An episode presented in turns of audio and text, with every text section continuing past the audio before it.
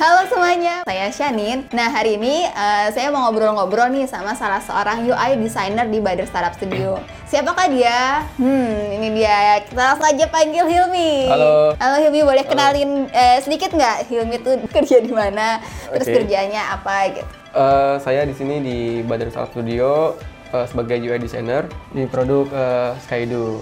Oh Skydo ya. Skydo. Boleh diceritain nggak Mi, uh, UI designer tuh ngapain sih di Skydo? Oke, kalau di Skydo tuh UI designer tuh eh, sebenarnya kayak penerjemah ya, penerjemah dari kebutuhan, requirement dari atasan atau mungkin dari user sebagai eh, jadi tampilan ya, tampilan atau flow atau alur yang nanti bakal dinikmatin sama user juga. Hmm. Nah kalau di Skydo sendiri tuh mekanismenya kurang lebih eh, biasanya atasan atau eh, orang produknya itu dia punya ide atau kalau nggak ide, kalau nggak dia punya requirement, kalau nggak dia dari suara dari user, user pengen ini nih, pengen ini nih. Nah itu ditampung sama orang produknya, terus kita ngadain kayak semacam ya meeting lah. Atau mungkin kadang ada design sprint juga namanya design sprint.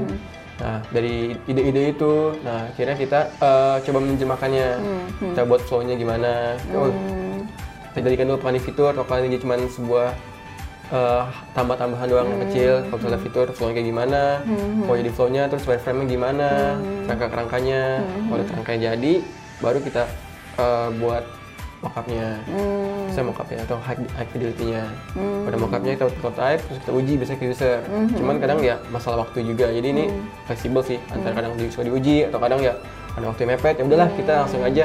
Langsung eh, siapin ke developer baru kalau developer udah setuju juga.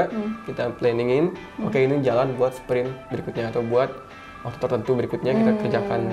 Jadi kita kasih ke developer sebagai bentuknya tadi mockup Jadi kalau diurutin nih ya sl- uh, flow-nya pertama requirement gathering dulu, Ya, kira-kira betul. butuh apa. Habis itu design sprint sama satu tim ya. Iya, setim kadang Nah dari situ ke, keli- kelihatan hasilnya apakah mau bikin fitur atau cuma tambahan-tambahan yang nggak begitu, uh, yang dikit, yang kecil-kecil gitu. Nah dari situ baru bikin mockup, dites sama dikasih ke uh, developer. Hmm. Jadi ternyata mockup itu cuma sebagian kecil dari seluruh kerjaan desainer. Enggak. Iya, Kadang-kadang orang tuh mikirnya kalau desainer pasti langsung ngedesain, pasti cuma berkutat sama aplikasi uh, desainer gitu. Tapi ternyata itu hanya sebagian kecil aja dari uh, flow prosesnya desain ya berarti ya. Hmm, kecil sehingga ya ya, ya benar memang kecil cuma emang itu hasil akhirnya sih Hasil akhir yang dilihat yang kelihatan banget kan Hmm, hasil akhir semua. desainnya itu Boleh diceritain nggak pakai tools apa sih biasanya kalau ngedesain? Oh, ini kalau tools ini kan eh, ini pengalaman juga. Jadi Mhm. kalau tools kan kadang tergantung bagaimana awalnya dikenalin. Mhm. awalnya dikenalin dengan tools ini, dia suka pakai tools ini terus akhirnya.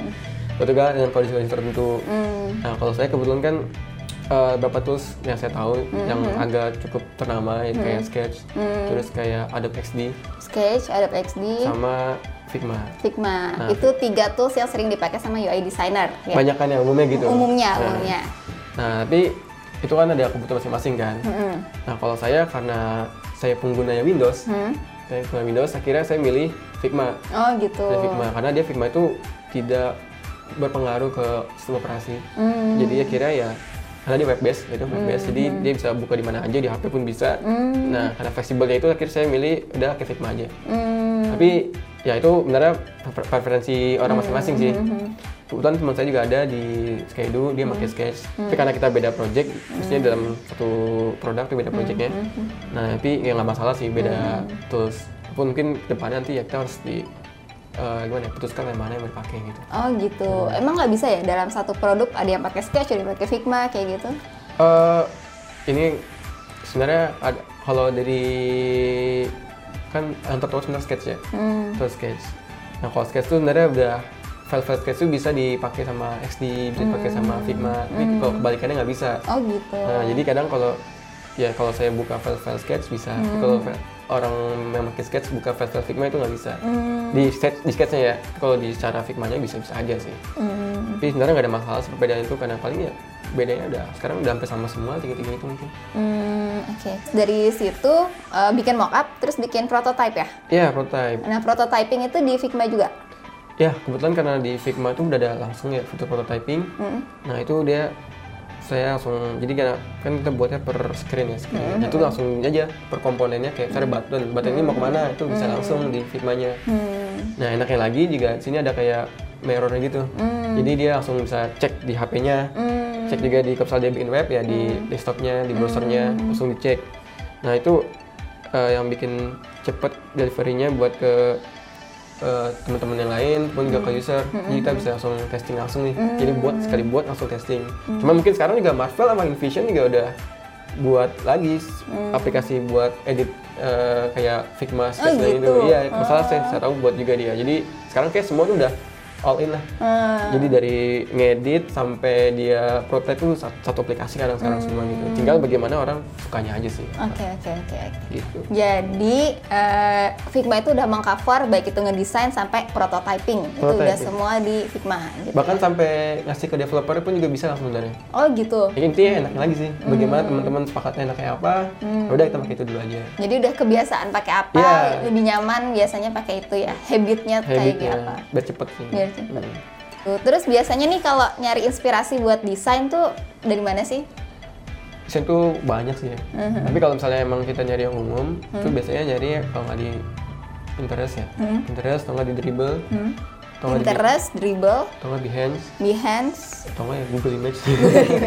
Google search Image. aja. Kalau nggak, mungkin aplikasi-aplikasi sejenis ya. Iya, kompetitor kita kita. Kompetitor kita kita bagus Copy nih. aja, copy aja. Tapi nggak kita nggak bisa copy mutlak ya. Hmm. Karena kan kebutuhan setiap aplikasi beda-beda.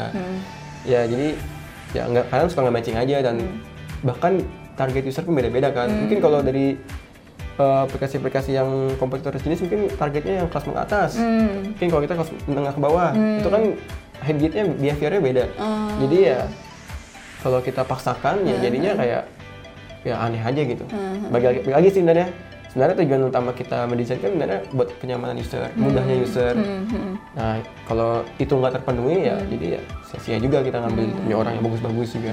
Lagi gitu sih. Oke deh, jadi itu kalau misalnya ada orang yang mau pingin jadi desainer nih, Hmm. terus pingin pakai belajar Figma, first step-nya tuh apa sih yang harus dilakuin? First step-nya eh, kalau mau jadi UI designer ini pengalaman pribadi saya sih. Hmm. Ya karena sakit itu kan saya cerita tuh mudah banget lah sebagai desainer UI tuh. Ya aplikasinya udah ada, kayak Figma yang mudah, terus kayak buat inspirasi udah banyak kayak buat kritikan, buat ikonnya ataupun kayak di dribble tuh udah banyak aplikasi-aplikasi apa tampilan-tampilan yang menarik-menarik yang bisa ditiru. Nah tambah sih awalnya eh, coba dulu sih, coba dulu belajar pakai toolsnya, Hmm. bikin shape, bikin apa-apa. Itu kalau belum punya pengalaman ya. Hmm. Oke. Oke. Ya udah deh. Ya, itu aja Eh, sih. Oke, eh, makasih oh, banyak banget sih insight yang didapat tentang per UI designer nih dari ngobrol sama Hilmi. Yang nanti kita akan bahas-bahas eh, lebih lanjut tentang UI design. Dan buat yang mau tahu desainnya Hilmi kayak apa bisa download Paytrend Academy. Paytrend Academy. Ya, Pen Academy itu. Kita sampai berjumpa lagi di Badar Startup Studio selanjutnya. Dadah.